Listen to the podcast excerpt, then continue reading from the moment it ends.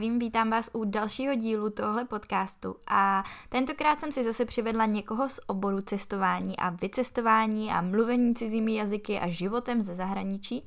A je to teda Pavla Gultová, která má agenturu Tutuky tato agentura pomáhá lidem vycestovat za studiem, a to buď na nějaké kratší kurzy do zahraničí, případně pak na dlouhodobější studijní pobyty do Austrálie, anebo taky na střední školu. Takže pokud jste středoškolák a rádi byste zkusili minimálně třeba jeden rok mimo nebo alespoň půl rok, tak určitě nastražte uši. A já už to nebudu dál prodlužovat a jdeme na to. Vítám vás u dalšího dílu podcastu Vylec z hnízda a dneska jsem tady teda s Pavlou Gultovou, se zakladatelkou agentury Tutuky. Zdravím. Dobrý den. A agentura Tutuky je vlastně takový prostředek, který vám umožní výjíždět za studiem v zahraničí a vlastně za výukou cizích jazyků. Jak když jsem si dělala rešerše v rámci tady toho rozhovoru a dívala jsem se na vaše webovky, tak se mi hrozně líbilo, že spousta vlastně těch hodnot, které tam máte a které se předávat, jako snažíte předávat těm lidem, tak to hodně souzní i s tím, co dělá podcast, i když já teda lidem úplně nepomáhám s tím výjezdem, ale aspoň se jim to snažím trochu přiblížit. Vy jste sama vlastně žila v zahraničí, žila jste v Austrálii, kde jste teda pracovala, studovala, cestovala, podobně tomu bylo pak Irsko, Německo, Anglie, takže máte spoustu, spoustu zkušeností. A mojí první otázkou teda je, jestli právě z tady těch vlastních zkušeností, které, co jste všechno prožila, cestovala, co vám to dalo, tak jste se se rozhodla právě kvůli tomu založit tu agenturu. A nebo jestli to bylo tak nějak jako, že nevím, co budu dělat, tak prostě cestovat umím, nebo něco jsem si prožila, tak asi půjdu do tohohle. Určitě, já když jsem se vrátila v roce 2001, eh, to už byla vlastně druhá větší cesta právě z Austrálie, mm-hmm. tak jsem přemýšlela, co budu dělat. A pro mě bylo optimální eh, spojit to cestování se vzděláváním, protože v tom vidím obrovský smysl. A já jsem tenkrát začala pracovat pro jinou agenturu, tam jsem pracovala 8 let a mhm. tam jsem získávala zkušenosti s tímto oborem. Pak jsem se ještě zbalila, odjela jsem do Anglie, kde už jsem pracovala eh, na kvalifikované pozici. Pracovala mm. jsem na, na pozici marketingové ředitelky na jazykové škole v Londýně ve Wimbledonu. Takže jsem vlastně získala ty zkušenosti z té druhé strany eh, a viděla jsem, jak fungují jazykové školy, jak se hledají rodiny, jak tam probíhá výuka a tak dále. No a když jsem se vrátila, tak jsem potom po mateřské jasně věděla, že už chci založit vlastní agenturu a předávat ty nabité zkušenosti dál. Uh-huh, A pomáhala jste třeba už předtím, než jste měla tu agenturu, jakoby třeba známým nebo takhle jako nějakým kamarádům s těmi výjezdy, anebo to bylo až potom, jakoby jste si řekla, teď založím tu agenturu a jdu do toho? Já jsem už uh, od toho roku 2001 v rámci té jiné agentury, pro kterou mm-hmm. jsem mhm. pracovala, tak, tak jsme posílali prostě stovky klientů uh, pryč, takže tam jsem se to vlastně celé naučila. A tím, že uh, jsme rozšiřovali to portfolio těch služeb už tam, tak jsem si to potom vyzkoušela už potom na sebe. Mm-hmm. A jak vznikl ten název Tutuky? Tutuky, to je morské slůvko, které jsme si vypůjčili mm-hmm. a znamená uspět, dosáhnout cíle, překonávat překážky. A to je přesně to, co člověk eh, prožívá, když se rozhodne cestovat, protože musí vystoupit z komfortní zóny, musí otevřít hlavu, musí se připravit na to, že bude eh, na, na těch cestách překonávat překážky právě, aby uspěl v tom cíli, který se vytyčil. No a nám se to náramně hodilo do konceptu um, té agentury, proto jsme si vypůjčili tohle slůvko. To je super, mně se to hrozně líbí a myslím si, že právě ta komfortní zóna je to, co se jako lidé bojí opouštět, mm-hmm. ale potom to jako stojí za to, když už ten krok udělají mimo tu komfortní zónu. Přesně tak a e, tím, že se setkáváme s lidmi, kteří jsou nastavení na to cestování, oni chtějí vyjet, mm. ať už krátkodobé pobyty, dlouhodobé pobyty, no tak je to báječná práce vlastně. A nebála jste se třeba konkurence, protože v tady tom oboru přeci jenom funguje poměrně dost agentur? No asi, asi nebála, protože um, my máme obrovské znalosti. A to je to, na čem my stavíme. Tím, že sami jsme strávili x let v zahraničí a ještě tím, že já jsem během těch 20 let uh, projela spoustu zemí a viděla jsem spoustu škol, takže já vím, jak fungují a tak dále, takže já, já předávám to, co vím. Jo, tak ono, tady ty vlastní zkušenosti jsou asi nejlepší, že to není, že člověka někam pošlete a říkáte si, dobrý, tak najdi si tam svůj život, dělej si, no. prostě si to nějak zvládni na vlastní ose, ale víte už jako co, co ho tam čeká, tak nějak z těch, no. z těch vlastních zážitků, což je super. A já, a já taky vím, čím bude procházet, když člověk jede na dlouhodobý pobyt, tak uh, jasně, on, on má nějaké obavy, přijede tam a nutně projde uh, kulturním šokem jo, mm-hmm. který má prostě nějaký fáze a my si o tom povídáme, než odjedou. A, a vždycky jim říkám, eh, první fáze růžové brýle. Eh, přijedete tam a teď zjistíte, všechno je cool, všechno je super, paráda, jenomže pak spadnete do té druhé fáze, kdy najednou zjistíte, aha, já tady jsem, nemám tady žádné známé, co tady dělám, mm pro co jsem se to rozhodl. No a tady je důležité, aby právě v téhle fázi se zapojila ta otevřenost. Otevřu se, začnu komunikovat, chci si najít přátele.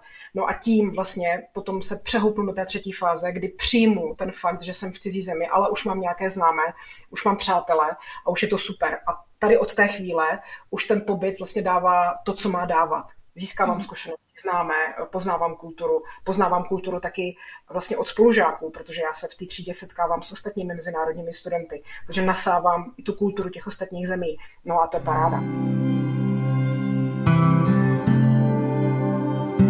No a vy teda uh, posíláte lidi hlavně teda za tím studiem jazyků. Tak uh, jaké jazyky je možné s váma studovat? Samozřejmě tam získají i jiné zkušenosti, ale primárně teda to studium. Mm-hmm. Já to trošku opravím. Eh, ta mhm. jazyková sekce je jedna sekce, druhá mm. sekce jsou středoškolské pobyty, tam už ten jazyk musí mít na dosti vysoké úrovni nebo nějaké úrovni, aby mohl odjet, ale to už studuje střední školu v té dané zemi, nestuduje jazykový Jasně. kurz. A třetí sekce, to jsou dlouhodobé pobyty, třeba v Austrálii, a tam už taky může studovat jazyk, ale uh, může zároveň studovat odborné školy a tak dále. Mm-hmm. No a co se týká těch uh, jazykov, jazykových kurzů, tak tam děláme zejména angličtinu, němčinu, francouzštinu, to jsou asi mm-hmm. tři hlavní jazyky, na které posíláme ale jsme schopni poslat v podstatě i na čínštinu, korejštinu, když si někdo myslí, protože tím, jak tam dělám dlouho, tak já vím, které školy tam uh, operují a jsem schopná uh, v podstatě najít cokoliv. Mm-hmm. Ale v rámci tady těch jazyků, jako třeba korejština, čínština, tak to pak člověk vyjede jako do nějakého státu, kde studuje tady ten jazyk, anebo vyjede třeba přímo do té Číny? Vyjel by, eh, vy, vyjel by do Číny, ale tam samozřejmě k tomu, eh, k tomu bychom museli najít informace, jak vyřídit víza a tak dále a tak dále. Mm-hmm, určitě. A míváte někdy takovéhle přání na nějaké jako exotičtější státy? Mm, moc ne. Všichni se většinou drží té klasiky, angličtina, španělština, němčina, francouzština. Mm-hmm. A do jakých států se teda můžou podívat v rámci tady tohohle? No, my máme takových 12 hlavních států, do kterých mm-hmm. posíláme a ty v podstatě se nemění, bych řekla. Jo? Takže uh, jezdí v rámci angličtiny tady po Evropě Anglie, Irsko, Malta, Kypr. Mm-hmm. Do zámoří uh, Kanada, USA, Austrálie, Nový Zéland. Ty teda teď byly dva roky zavřené, ale už se otevírají, nebo Austrálie už se otevřela. No a potom Německo, Rakousko, klasika, Španělsko a Francie. Mm-hmm. A můžete třeba říct z nějakých statistik, který z těch států je nejoblíbenější? Kam jako lidi nejčastěji vyjíždějí? Ono to je tak rovnoměrně rozprostřeno, jako nejvíce hmm. jezdí na kurzy angličtiny. A tam zase bychom museli rozebrat ty jednotlivé kategorie. Třeba u středoškoláků je velmi oblíbená Kanada, mm. protože tam je výborný poměr eh, kvalita cena a jsou tam zajímavé eh, jako studijní programy. Mm. A z hlediska jazykových kurzů, no v létě jasně vede Malta, Jasně, všichni chtějí k moři. všichni chtějí k moři. No a taky, uh, protože Malta je výborně připravená na rodinné pobyty. Mm-hmm. Uh, to, to skoro, skoro nikde nemají takhle zmáknuté, ty rodinné pobyty jako na Maltě, takže tam eh, se vlastně rozšiřuje ta skupina, kdy rodič vyjede se svým dítětem a mohou oba chodit Aha. do, do kurzu. A, a potom Anglie, Irsko. Třeba Irsko zase za mě mám takové oblíbené země, Irsko naprosto mystická země, která je charismatická, takže tam velmi ráda posílám. Jsou tam školy, které jsou většinou vedeny Eh, rodinami. Mm-hmm. Rodina před 30 lety založila školu a teď musí makat, aby tam získali ty studenty a bylo to, Anglie byla velká, velká konkurence a oni museli nabídnout něco navíc, aby ty studenty tam dostali. Takže za mě a třeba Irsko je velmi zajímavá destinace. A nebojí se lidé právě u Irska toho, že třeba nebudou rozumět kvůli přízvuku, protože přece jenom to není úplně jako nejlepší angličtina, no. člověk si musí zvyknout. Já jim vždycky říkám, že k tomu, aby roz, porozuměli anglicky, musí uh, zvládnout i ty přízvuky, protože čistě se mluví v podstatě na škole. Čistě se mluví na škole. A jakmile vyjedete, uh, jako opustíte brány školy, mm-hmm. tak se setkáte s přízvuky. V Londýně se mluví nějakým přízvukem, v Manchesteru se mluví přízvukem, v Edinburghu, no to ani nemluvím, uh, Irsko to samý. Uh, takže o tom vlastně to učení angličtiny je potřebuju zvládnout, naposlouchat ty různé přízvuky, eh, abych se vůbec mohla v, té, eh, anglic, v tom anglickém mluvícím světě domluvit. A tak Irsko přece jenom je jako docela šok, než když třeba někdo do, do, vyjede do Londýna, tak mi pořád přijde, že je to trošku jako lehčí porozumět, než když jste mm. přímo v tom, nebo jak já jsem v Irsku byla no. jeden den, takže vůbec jako takhle nevím, ale když se třeba dívám na seriály, tak než si zvyknu, tak třeba prvních pár dílů potřebuju aspoň přepis. Ale to, eh, to je to samé uh, na Novém Zélandu, jo, i v Austrálii mm. se používá třeba jiná slovní zásoba, takže Jasně. prostě o tom, o tom to učení angličtiny je a v Londýně zase slyšíte spoustu broken English, Eh, protože tam je spousta přestěhovalců, kteří pořádně eh, anglicky neumí. To je pravda, to je pravda. A dáváte třeba nějaké typy, jakože, kde by si to lidi měli naposlouchat, nebo co je fajn před tím odjezdem, jako aspoň trochu se na to nějak jako připravit, protože přeci jenom pak v tom jazyce fungují 24-7 každý den, mm-hmm. takže... Mm-hmm. No, oni většinou už mají uh, nějakou přípravu, máme velmi málo totálních začátečníků, mm-hmm. uh, takže mm-hmm. Oni už většinou s nějakou znalostí přijdou a právě jedou tam, aby se posunuli. Ale je teda možné vyjet, i když jste úplný začáteční? Je to, jo, je to možné, tak jsem vyjela vlastně já, já jsem vyjela mm-hmm. do, do Anglie uh, ještě teda v 90. letech a uměla jsem říct hello, you a už jsem nerozuměla, kdo mi co odpověděl, takže uh, takže i to je možné. A je, je to žádoucí eh, při třeba dlouhodobých pobytech. Jo? Kdyby mm-hmm. někdo za mnou přišel a řekl, jsem úplný začátečník a chci jet na 14 dnů, tak uh, mu řeknu, jestli si to nechce rozmyslet a neudělat radši tady nějakou přípravu, protože upřímně za těch 14 dnů se moc neposune Jasně. a bude se, tam, bude se tam trápit. Ale kdyby řekl, jsem úplný začátečník a chci jet uh, na rok, tak řeknu jo, mm-hmm. super, protože za ten rok se člověk dostane uh, třeba na FCI úroveň. Stává se třeba někdy, když už vyšlete takového začátečníka, že vám třeba potom volá nebo píše a říkáte, jak já, nerozumím a teď prostě nevím, co mám dělat a furt se nemůžu začlenit a nemůžu si najít kamarády, prostě jsem úplně ztracen. Takových telefonátů máme nejenom od začátečníků, ale, ale i od, od lidí, kteří vládnou uh, angličtinou, mm-hmm. protože prostě je to šok, jo? Je, to, je, je to změna, je to přesně výstup z té komfortní zóny a uh, většinou v té fázi toho kulturního šoku, kdy jsme down, jo, tak uh, lidi právě si říkají, co tady dělám, jako jak najdu práci.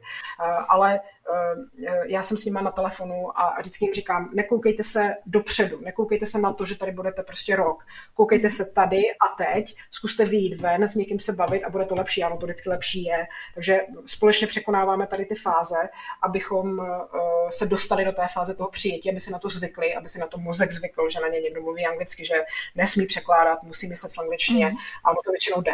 A stalo se vám, že by třeba někdo ukončil ten pobyt kvůli tomu? Uh, jsou to promile. Jsou to mm. promile, protože krátkodobý pobyty ty se odžijou, uh, to je v pohodě. U těch, u těch dlouhodobých, tím, že se to dlouho připravujeme, třeba uh, to připravujeme půl roku, tak tam se většinou stane, že už během té přípravy my si řekneme, hele, Ehm, nejste úplně zralí na ten pobyt, nebo se změní priority, nebo si řekneme, mm, a koho to je vlastně motivace? Je to motivace vás odjet nebo vašich rodičů? A většinou už jako ten problém identifikujeme, než odjedou. A mhm. když už odjedou, tak se tam s tím statečně perou a ehm, jestli za tu celou dobu, co jsme odjeli, se vrátili třeba dva, tři lidé, eh, to je hodně. Jednou se nám teda stalo, že se vrátila studentka, protože těsně předtím se zamilovala. To je nebezpečné. To každý mu vždycky říká, pacha, pacha nezamilování. Protože ona tam odjela a, a mentálně zůstala samozřejmě tady eh, s tím přítelem. Na, mm, jako snažila se, ale nemohla prostě se odpoutat a tím pádem ten pobyt byl ona se mm. nemohla užívat toho, co ten pobyt zahraničí vlastně poskytuje. No tak uh, asi po třech měsících řekla, dobře, balím to. Uh, zároveň také lidé, když se rozhodnou takhle v půlce toho pobytu, že odjedou, tak ztrácí uh, spoustu peněz, což je taky velká motivace mm, pro to, aby se dokončili. Takže ona odjela domů, i přesto, že jsme říkali, neblázni, nejezdí domů, třeba se rozejdete hned. No a co myslíte? Přijela domů a po třech měsících se rozešli, ale to je život. jo, ty lásky jsou nebezpečné v tomhle. Jo, ty lásky jsou... V tu chvíli to prostě vnímá, že to je navždycky a... Ano, ano, ano, přesně tak. a nejde to přeskočit.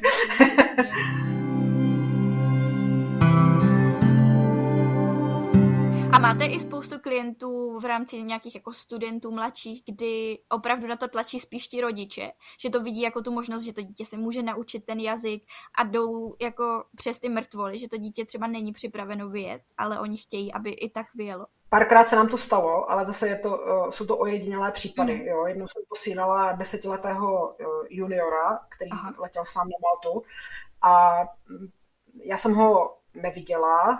Uh, viděla jsem ho až na Maltě, protože já jsem v době, zrovna v té době tam byla uh-huh. a tam jsem, tam jsem jako tušila, že uh, to nebyl dobrý nápad a že vlastně tady tím výjezdem tomu člověku zablokujete další budoucí výjezdy, uh-huh. protože to dítě na to nebylo připravené. A uh, co se týká těch středoškolských pobytů, tak Česko je takový unikát v tom, že tady 80% nebo možná 90% těch studentů nás kontaktuje samo ty rodiče tam jako figurují, ale figurují tam eh, v tom, že jako dohlížejí samozřejmě, aby jsme eh, vybrali bezpečnou destinaci a tak dále, financují to, to je mhm. jasné, ale vlastně neintervenují až tolik eh, do toho procesu, kam pojede, co si vybere za předměty a tak dále. Takže já mám strašnou radost tady z těch mladých lidí, kteří prostě pracují na tom vzdělání a chtějí se vzdělávat v zahraničí a sami to realizují. Uh-huh. A jak je to věkově? Protože zmínila se teda chlapečka, který měl 10 let. tak jako od jakého věku je možné vědět a do jakého věku je možné vědět? Mm-hmm. Nejmladšímu studentovi bylo pět let, ten samozřejmě odjel uh, s, s rodiči, mm-hmm. to je právě ta Malta, kde, uh, kde mají perfektně připravené tady ty kurzy pro malé děti. Oni se tam spíše hrají, ale už na ně mluví někdo uh, anglicky, takže oni to vstřebávají a vlastně přirozeně reagují, byť nepotřebují si to překládat, nepotřebují, oni ne, nemluví třeba na začátku samozřejmě, ale rozumí a jsou schopni vykonávat ty činnosti v rámci té hodiny. No a nejstaršímu studentovi bylo 72 a to byl strašný miláček, ten odjel na tři měsíce do Irska, do irského Galway mm-hmm. a stal se tam okamžitě hvězdou školy, posílali nám fotky a všechno a myslím, že si to strašně užil. Takže věkově je to neomezené, od těch pěti let to dává smysl, mladší děti asi ne a můžete je prostě dostat, když se rozhodnete v 90, že chcete odjet. To je super úplně, že člověk jo, už jo, takhle jo. jako třeba poz, v pozdějším věku vyjíždí, protože většinou to lidi vidí jako něco, co dělají studenti a přitom může vyjet vlastně kdokoliv, to je, to je fakt super. Na, nám se před koronou vlastně uh, hodně zvedala uh, hranice, nebo věková hranice studentů, kteří odjížděli do Austrálie na ty dlouhodobé mhm. pobyty. A nabírali jsme spoustu studentů, kteří byli 50 plus, protože to byli studenti, kteří uh, už měli velké děti, měli finance, neum, pořád válčili s angličtinou, jasně, protože já do té kategorie spadám taky a my jsme se učili ještě ruštinu. Ruštinu, a, ruštinu no, no, no. A, a, a oni si řekli, tak a teď chci něco zažít, jo. Skončili tady s prací, zbalili batoh a odjeli na rok do Austrálie. A to, to jsou prostě nejlepší klienti z hlediska toho, jak oni to hodnotí už z perspektivy svého života a zaměstnání a tak dále. Takže, takže jo. Vidíte, a může se, to, může se takový pobyt dát třeba i jako dárek? Uh, jo, s tím se taky setkáváme, že um, někdo chce dát dárek třeba rodiči dítěti k 18 mm-hmm. nám a tak dále. Mm-hmm. No mě to tak napadlo, že mamka je přesně tady ta kategorie, tak třeba no. bych ji mohla někam jo, jo. vyslat. ano. a ještě mě napadlo se zeptat u těch rodin, když je takhle posíláte na Maltu, tak tam je taky nějaké jakoby musí to být dítě a rodič ve smyslu, že to dítě je ještě pod 18, anebo může vyjet i jakoby prostě dospělé dítě a jeho rodič. Mm-hmm. Může vyjet i dospělé dítě a jeho rodič, to je, to je mhm. vlastně jedno.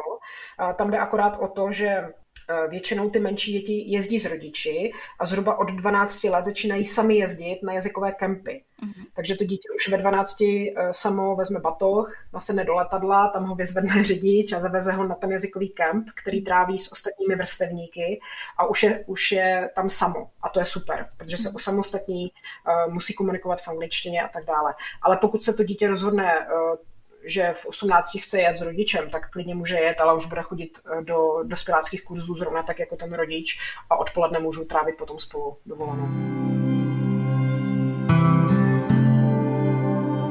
Jak je to s ubytováním? Protože když ti lidé vyjedou, tak vy samozřejmě řešíte tu školu a to studium a pomáháte jim celkově se jako integrovat, ale kde se ubytovávají? Je to prostřednictvím nějakých hostitelských rodin nebo v rámci té školy mají třeba ubytování? Každá škola má uh, různé typy ubytování a to vlastně organizuje ta škola. Aha. Uh, některé školy mají uh, apartmány, některé školy mají hostitelské, nebo všechny školy mají hostitelské rodiny, některé školy k tomu mají i apartmány, některé uh, zajistí i hotel, takže záleží na tom, co klient chce. Chci bydlet v hostitelské rodině, chci poznat, eh, jak eh, ty rodiny v té dané zemi žijí, nebo chci bydlet v apartmánu a sdílet ho s ostatními studenty, nebo chci bydlet samostatně na hotelu. Vše, všechno lze. Aha. A nebo, a nebo přijde klient a řekne, já chci jenom studium, ubytování se zařídím sám, v pohodě. Aha, takže vlastně si to takhle zařídí po vlastní ose. Uh-huh. Uh-huh. A volí uh-huh. tohle hodně studentů, nebo to radši nechávají na vás? Mm, 99% to nechává na nás. Uh-huh. A čeká je potom třeba po příjezdu nějaký rozřazovací test, anebo ten dělají ještě před odjezdem, aby se jako vědělo, do jakého typu kurzu školy? Většina škol už má ty eh, rozřazovací testy, eh, teda tu písemnou část eh, online prostředí, Aha. takže to se udělá to se udělá předtím, než tam odjedou, tudíž škola ví, jak se jim rozvrství ty studenti do tříd a potom některé školy ještě dělají pohovor, protože samozřejmě obzvlášť u Čechů je velký rozdíl mezi tím, když vyplní test a gramatiku mají báječnou a pak tam přijdou a neumí mluvit. Eh, takže, takže vlastně ta složka toho, té konverzace eh, se na některých školách testuje také a podle toho ten student potom eh, je zařazen do jim, jemu odpovídající úrovně proč si myslíte, že zrovna u Čechů je takový problém se jako vyjadřovat? Proč máme ten stud, i když ten člověk třeba umí tu gramatiku a ví, že ve škole měl třeba dobré známky a takhle, tak potom prostě v té realitě se bojí. No víte proč? Protože se tady pořád eh, učíme tím způsobem, eh, jakým jsme se učili před 20 lety. To znamená, učitel na mě mluví eh, česky, vysvětlujeme gramatiku česky, pořád píšeme nějaké testy, já nemám prostor vůbec mluvit, tím pádem se nezafixuji ty základní fráze. Hmm. Já sice umím gramatiku, všechny časy eh, a tak dále, ale neumím to použít, protože to používání, tam potřebuji praxi, já potřebuji mluvit. A to je jedno, že eh, mluvím s chybama. Tady se pořád upozorňuje na chyby, je, že ty jsi udělal chybu. Hmm. Jenomže ta chyba je strašně důležitá, protože pokud se dostanu přes tu chybu, tak já ji časem přestanu dělat. Mm. Ale já mluvím, dokážu se vyjádřit, neumím slovíčko, tak ho opíšu.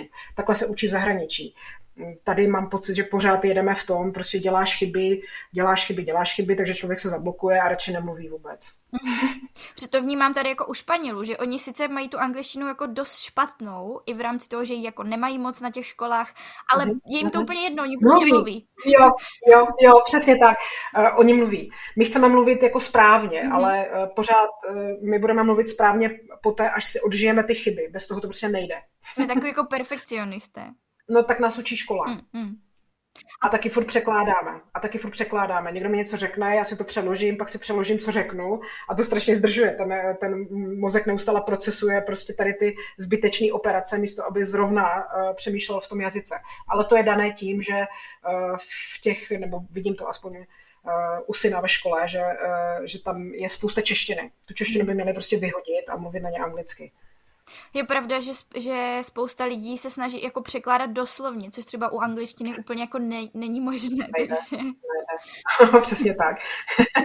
Ale souhlasím, že bychom potřebovali víc mluvit jako tím konkrétním jazykem, protože když jsem třeba učila španělštinu, tak vždycky na ty studenty prostě chrlím španělsky a až když vidím ten obličej, že lidi prostě neví, tak to přeložím. Do té doby prostě ne. Já jsem přijela do Anglie, já jsem neměla nic, mm-hmm. fakt jako nic, nula. A přesto uh, jsem uh, nějakým způsobem byla schopna komunikovat, protože vtip je vlastně v tom, že stejně velký procento komunikace je v neverbální komunikaci. To je ten vtip. Mhm. A ten zbytek si člověk domyslí. A samozřejmě musí pracovat na slovní zásobě, aby se uměl vyjádřit a tak dále, ale to pochopení, to pochopení tam je hnedka od začátku. Mm-hmm. Jo, tak slovíčka asi to je jako takové nejdůležitější, ale potom ta gramatika, to člověk asi jako pochytí už, když... To, to přijde, to přijde, přesně tak je potřeba opravdu ty, tu slovní zásobu samozřejmě, abych se dokázala vyjádřit, ale potom, jak už to napojím do té věty, to přijde časem. Hmm. A myslíte si, že třeba některý z těch jazyků se Čechům učí líp než angličtina, z těch, co nabízíte? No, to je, to je hezká otázka. Mně přijde, jako, že máme hrozný problém s angličtinou třeba kvůli slovosledu, tím, že oni jako musí tam vždycky mít ty zájmena a, a teď prostě člověk se pořád snaží to hodně jako překládat taky jako tu češtinu, takže s tím máme jako docela problém. Já si myslím, že uh, fan, uh, kdo pronikne trochu do angličtiny, tak vlastně zjistí, že je oproti češtině triviální. Mm-hmm. Prostě dám podnět, přísudek, ten zbytek. a mám slovosled. Nemusím se tím příliš, uh, příliš zabývat, ale musím tam mít podnět, přísudek a pak jsou samozřejmě nějaká pravidla na, uh, na uspořádání toho zbytku. Uh, časy. My jsme pořád jako vynervovaní z těch časů, ale oni reálně používají tři, takže ne, není potřeba být vynervovaný. ale, ale to člověk podle mě na to přijde časem. Ale je pravda, že třeba gimpláci, kteří odjíždějí už na, na ty střední školy, že už mají jazyk na mm, celkem slušné úrovni a tam ho dopilují. A tak u těch středních škol je jasné, že teda tam ten student funguje tak, jako by byl tady, akorát studuje tu školu teda v jiném státě. Uh-huh. Ale když pak vyjíždí uh-huh. uh, studenti na ty jazykové kurzy, které jsou vás teda dělí, uh-huh. jak jsem se dělala na ty obecné a zkouškové, tak uh, uh-huh. z těch zkouškových předpokládám, že asi dostanou nějaký certifikát, nebo že jako je tam, jedou tam zatím, aby složili nějakou zkoušku už z toho názvu. A u toho obecného dostanou třeba nějaký jako, nějaký uh-huh. jako papír, který by pak mohli použít, že něco uh-huh. absolvovali? Uh-huh. Oni dostanou certifikát o absolvování kurzu, tam je zhrnuté, eh, kolik hodin udělali, jakou mají úroveň a tak dále. Ten certifikát není nikterak mezinárodně platný, ale je to nějaký důkaz, že jsem absolvovala uh, kurz. A uh, pro ty, kteří potřebují nějak, nějaký oficiální papír, tak ty musí projít právě tím zkouškovým kurzem. Uh-huh. A to potom dostanou vlastně, jsou to pak ty oficiální zkoušky jako z uh, FCE. Hmm. A... Cambridge. Mm-hmm. Mm-hmm. Přesně tak. Ono vlastně uh, nejčastěji se odjíždí na ty obecné kurzy. Ty obecné kurzy mají výhodu v tom, že začínají každé pondělí, můžete si naplánovat, kolik týdnů chcete, naskočit vlastně do toho kurzu v průběhu celého roku.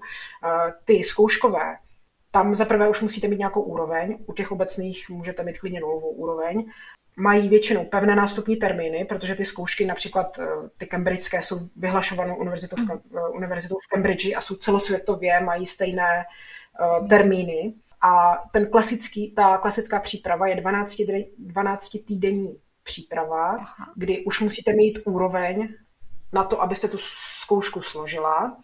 A v průběhu té přípravy pilujete techniku těch testů. Mm-hmm.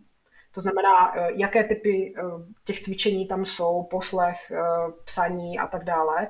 A už se zaměřujete vyloženě na, techniku testu, takže je to jiný druh kurzu než ty obecné, které se zaměřují na ty čtyři aspekty jazyka, to znamená poslech, čtení, gramatika, konverzace a pilujete to tak nějak jako dohromady ve zkouškových už se soustředíte vyloženě na tu zkoušku. Jasně, že jde o to, abyste prostě na konci tu zkoušku složili a mohli se potom jakoby rozvíjet dál. Mm-hmm. Protože to se také počítá do prestiže té školy, jak je schopna připravit uh, studenty na, na zkoušky a ještě uh, takhle poznáte vlastně kvalitní školu, pokud má i ten nejvyšší stupeň CPE, mm-hmm. což je proficiency level Aha. v angličtině. Mhm. Mně tohle přijde jako, pokud člověk má na to ty finance, tak mi to přijde jako daleko zábavější způsob, jak se na ty testy připravit, než když se to jako snaží naučit sám doma. Takže... Určitě, určitě, určitě. Já jsem prošla dvěma přípravama eh, v zahraničí mm. a mohu vřele doporučit, protože jednak je, Oni se pořád snaží o to, aby vás zabavili, aby to učení bylo zábavné, což je fajn. A, a na druhou stranu uh, vy si tam osaháte všechny možné typy těch cvičení a pak se vám to lépe dělá mm-hmm. v reálu. A je tady hodně studentů, kteří volí tady ten zkouškový, protože třeba potom chtějí jít někam na univerzitu do zahraničí a kvůli tomu právě potřebují tady ten certifikát z angličtiny? Pokud jedou na střední školu, tak tam ne, nepotřebují uh, tento typ uh, kurzu, a tam už nějakou znalost musí mít, odstudují si tu střední školu a pak si většinou udělají IELTS eh, a pokračují na univerzitách. Ten IELTS to je zase jiný typ zkoušky, akademická zkouška to je stupnice, IELTS nejde neudělat, to vám změří vaši úroveň uh, angličtiny a pro vstup na univerzity potřebujete třeba od pěti a půl uh, výš. No ale když jedou do Austrálie třeba nebo do Kanady na ty dlouhodobé kurzy, a vyberou si třeba půlroční studium jazyka, tak já se vždycky snažím, aby tu zkoušku tam udělali, aby nechodili půl roku jenom do obecné angličtiny, mm. aby to mělo význam, aby to mělo nějaký dopad, protože ty Cambridge uh, s těmi se mohou potom prezentovat tady, třeba při žádosti o zaměstnání a tak dále. A vlastně, uh, i kdyby chtěli pokračovat na univerzitě, tak ty stupnice jsou převoditelné. Cambridge se dá převést na IELTS a tak dále, že to nemusí dělat dvakrát. Navíc IELTS zkouška má platnost jenom dva roky, Cambridge máte do smrti. Takže podle mě to má smysl udělat si Cambridge. Mám to stvrzené jednou provždy, že mám takovou takovou úroveň angličtiny a mohu se tím prezentovat. To je super, to jsem ani nevěděla, že to je takhle jako už na dosmrti. Mhm. a vrací se k vám třeba někteří studenti? Vyjíždí třeba víckrát? Mhm, na ty krátkodobé pobyty to je právě fajn, eh, proto jsem je chtěla mít v nabídce, eh, i když jsou jako nejjednodušší, protože my jsme dobří v těch složitých programech, eh, ale ty krátkodobé jsou fajn, protože jezdí opakovaně. To jsou právě ti, kteří mají normálně zaměstnání tady a čerpají třeba týdenní dovolenou právě na ten jazykový kurz. Nebo to jsou junioři, kteří s námi byli uh, někdy v létě a jedou příští léto zase znovu. Takže ano, to, toto jsou opakovaní studenti. Když pojedete na střední školu, tak tam většinou nejde co opakovat, protože to si když doufáte, že nebudete opakovat. a um, do Austrálie nebo do Kanady na ty dlouhodobé pobyty taky většinou jedete jedno. Uh-huh, A spolupracujete i třeba s, nějakýma, s nějakými firmami, kteří by takhle jako vysílali třeba zaměstnance? Uh, v, to, v tomhle segmentu nejsme moc mm. úspěšní, asi z toho důvodu, že já nemám v nabídce ty nejlevnější školy, protože tam je většinou velký tlak uh, na, na ceny. A já trošku odmítám úplně nabízet ty nejlevnější školy, protože jsem je viděla, vidím, jak, eh, jak vypadají a ne, ne, nevedlo by to ke spokojenosti. Mm-hmm. Takže, takže ne, mm, s, tě, s těmi firmami ne, nemáme eh, moc velké zkušenosti, protože se většinou neprobujujeme díky ceně do nějakého užšího výběru. Mm-hmm. A nakousla jste teda finance, tak jak to vychází finančně? Je možné, aby to dovolil mm-hmm. každý, anebo jako je to spíš pro nějaké vyšší vrstvy lidí, kteří prostě... Záleží zase, který ten segment vezmeme. Na jazykáče to, to v podstatě podle mě je cena dovolené. Mm. Jo, tam můžete na dvoutýdenní pobyt se dostat za 30, za 40 tisíc eh, a je to i s výukou, s ubytováním a tak dále. Když eh, se lidé chystají do Austrálie, tak jim říkám, mějte připravených minimálně 150 tisíc, protože děláme většinou půlroční studium, k tomu potřebujete ubytování, víza, letenky, eh, jenom víza stojí 10 tisíc. Ale zase výhodou Austrálie je, že nám dávají slavněné ceny pro český trh. To už řada zemí nedělá, dělala to dřív, ale řada zemí to nedělá.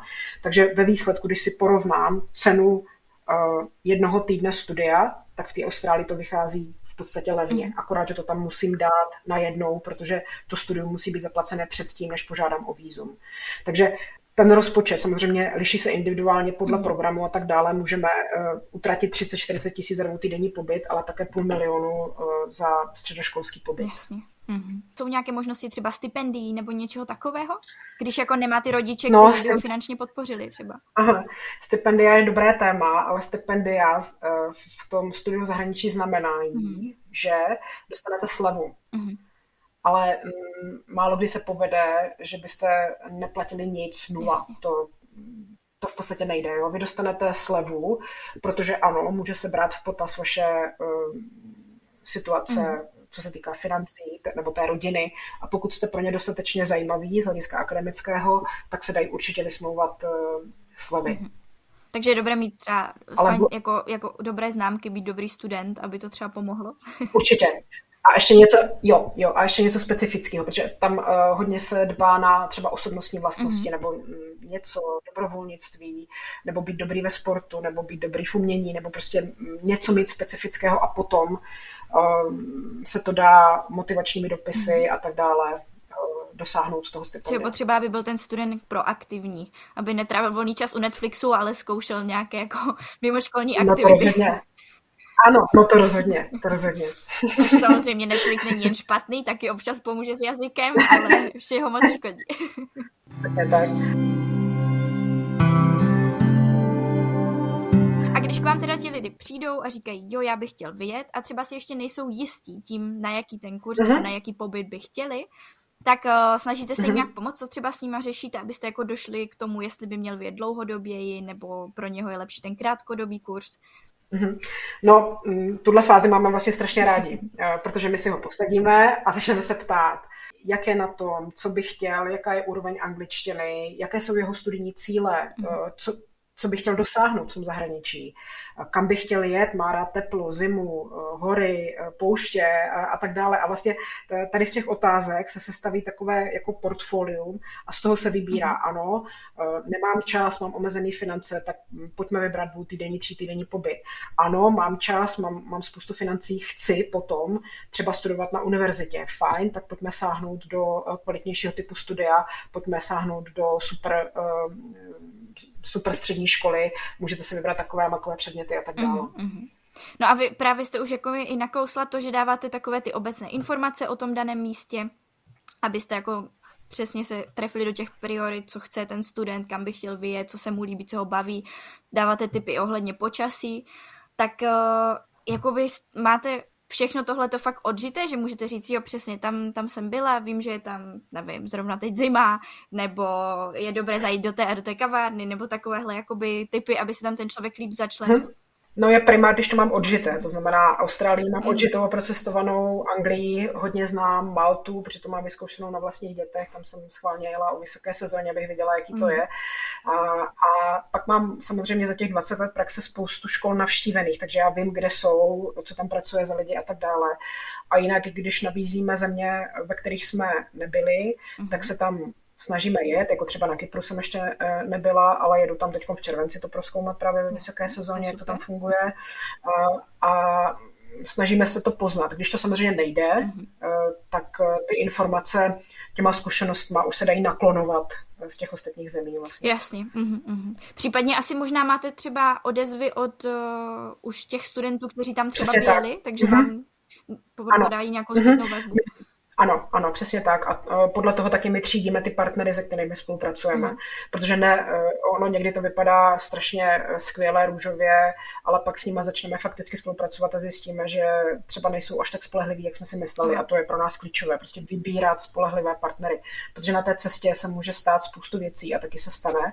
A my potřebujeme, aby ty věci dokázali ti partneři vyřešit. Mm. Takže ty školy, které máme v nabídce, tak jsou pod drobnohledem a vybíráme velmi spolehlivé partnery, abychom se na ně mohli spolehnout v případě, že se něco děje.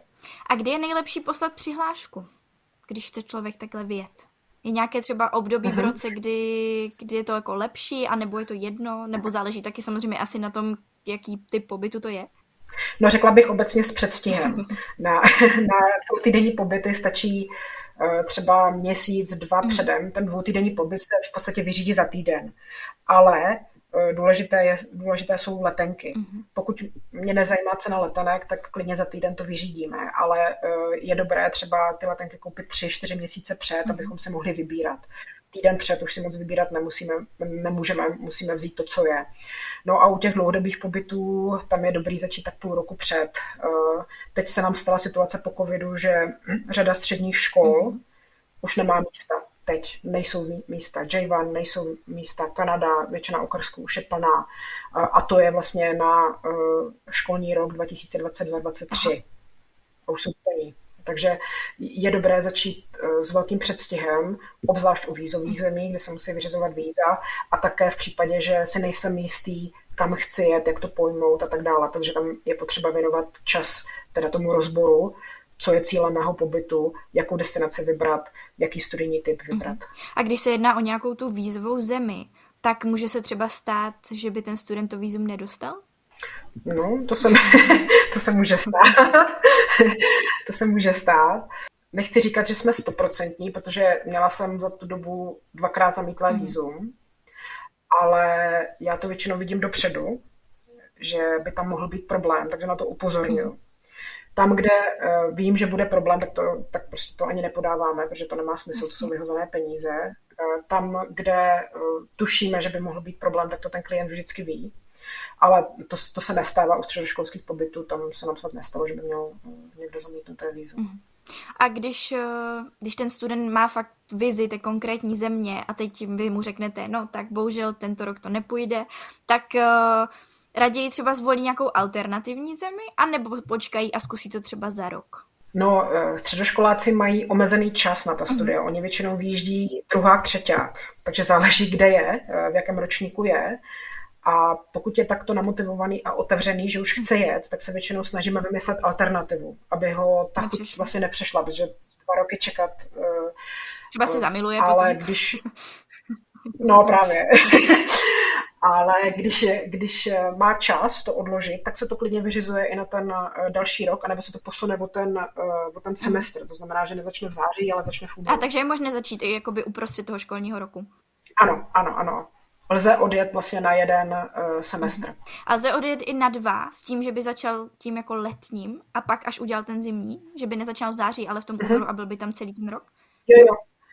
Jde to prodlužovat, protože to se nám stává uh-huh. i, že lidé tam odjedou a myslí si, že tam budou třeba jenom půl roku, pak zjistí, že, eh, že se jim to strašně líbí, takže chtějí dokončit a někdy tam třeba i odmaturují a pak pokračují dál uh, na univerzitě. jak moc jako těm lidem po, poskytujete tu podporu, jak moc jim pomáháte během toho pobytu. Můžou vám třeba napsat kdykoliv, uh, jak rychle jste schopni na to reagovat, nebo jste schopni jim vyřešit nějaké problémy ve smyslu, nevím, uletělo mi letadlo, něco neklaplo, propadl jsem, cokoliv.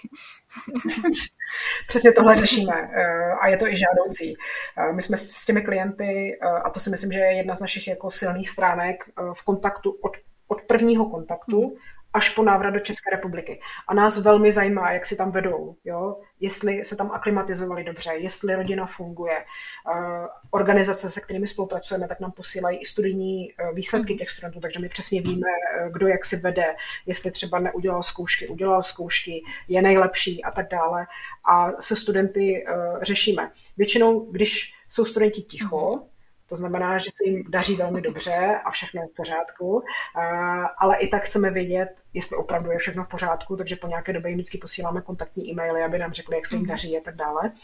A, a když jsou tam nějaké věci k řešení, jakože skoro pořád jsou, tak, tak to řešíme. Ono totiž e, i ty středoškolské pobyty jsou nastavené tak, že tam musí probíhat komunikace e, škola nebo ta organizace agentura mm klient. Jo? Nejde to napřímo, takže oni to stejně nemůžou řešit sami Aha. Eh, častokrát a musí to řešit eh, přes agenturu, což je dobře. Jo, jo, jo. Že máte vlastně ovšem přehled a ten student potom se nemusí strachovat. A zároveň to může řešit i v češtině možná? Tím, že vlastně komunikuje s vámi, tak nemusí na, mluvit vlastně anglicky tak. s tou konkrétní institucí.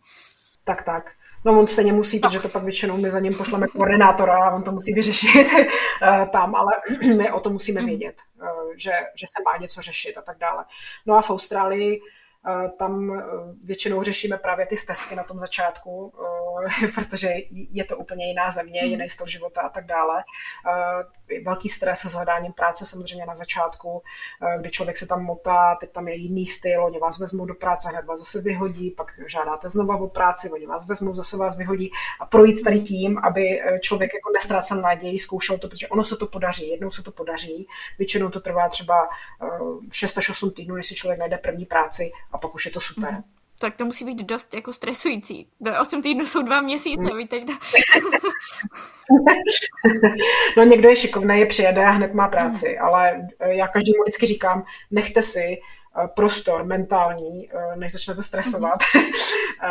takový to na to, protože tam jako nemá smysl posílat e-maily, nebo můžete si poslat e-maily, ale nikdo vám na ně neodpoví. No, musíte jít, právě se otevřít, vzít si mm-hmm. životopis, jít do, do pekařství, do supermarketu, do kavárny. Tady jsem, hledám práci, vezmete mě a oni třeba řeknou, jo, teď vás vezmu. Koukají na vás, to se stalo mně, a hned mě vyhodili. Takže takhle, takhle to je. Takže je možné i pracovat během těch jako pobytů, že člověk není úplně hmm. bez příjmu, není to, že dá vlastně ty finance, hmm. odjede studovat a teď rok jakoby nic, ale může si najít i tu práci a částečně jakoby to financovat potom z toho ten život. Středoškoláci hmm, studují, hmm, tam se práce nemotá, ti jsou mladí, ale u těch dlouhodobých pobytů právě eh, samozřejmě v Evropě. Eh, můžete i pracovat, tam ani nemusíte studovat, eh, ale u dlouhodobých pobytů Austrálie, Kanada ke studentskému vízu dostáváte pracovní povolení. Mhm.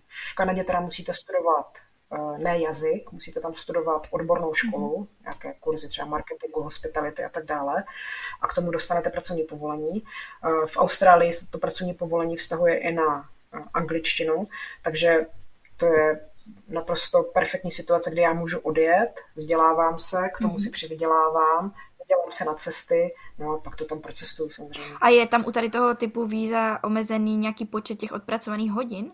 Uh-huh. V Austrálii můžete pracovat pouze na poloviční uh-huh. úvazek, když teď po znovu otevření tam rozšiřují, ale myslím si, že to bude dočasné, protože tam samozřejmě nemají uh, tady ty pracovníky, kteří by pracovali v kavárnách a tak, protože se vyčerpali za ty dva roky, ale oficiálně je 20 hodin týdně a v Kanadě je to trošku jinak dělané. Tam uh, ty programy, takzvané COP programy, uh, jsou tak, že půl času, třeba odjedu tam na dva roky, rok studuji, u toho můžu pracovat 20 hodin týdně a ten druhý rok už můžu dělat praxi 40 hodin týdně. A už nemusím chodit do školy. Napadla mě ještě otázka k těm studentům. Když se potom ti středoškoláci vrací zpátky do Česka, třeba s vámi nějak komunikují, dávají vám tu zpětnou vazbu, tak uh, jsou pozitivní ohlasy na ten jiný typ uči, jakoby toho školství nebo toho, jak jim to, tu výuku podávají? No právě, oni jsou pak v depresi tady, když se vrátí zpátky do toho českého systému, protože mark- nejmarkantnější rozdíly, třeba v Německu je velmi podobný mm. systém, takže tam, tam, je, tam je to fajn, tam jsou zvyklí a tak dále. Ale když jdou třeba do Kanady, eh, tam si vybírají například pět hlavních předmětů a ty předměty můžou být libovolně volené. Některé jsou samozřejmě mm. povinné, třeba angličtina nebo matematika, eh, ale nemusí být. A oni si tam můžou vybrat eh, z předmětu jako například forenzní vědy, nebo si můžou vybrat předmět lezení po skalách, Aha. nebo si můžou vybrat předmět drama. Já se s vámi tady v téhle části rozloučím a pokud byste chtěli vědět ještě víc a poslechnout si i zbytek rozhovoru, tak utíkejte na Hero Hero, kde najdete bonusovou část. Zároveň pokud tam zůstanete delší dobu, tak budete mít přístup vždy k epizodám o týden dřív. Rádi byste studovali v zahraničí, ale nevíte jak na to? Potřebujete pomoc s výběrem destinace? Chtěli byste zkusit práci v zahraniční firmě, ale máte strach, že to nezvládnete? Rádi byste nějakým způsobem pomohli naší planetě a chtěli zkusit dobrovolničení? Poslechněte si rady, typy, zkušenosti lidí, kteří už tohle všechno prožili nebo prožívají a zkuste to taky. Tohle všechno a ještě mnohem více se dozvíte ve Vylec hnízda. Tento podcast je tady pro všechny, kteří se bojí a chtěli by někam vyrazit – Seberte odvahu, poslechněte si pár rozhovorů, najděte destinaci a vyražte za svým snem.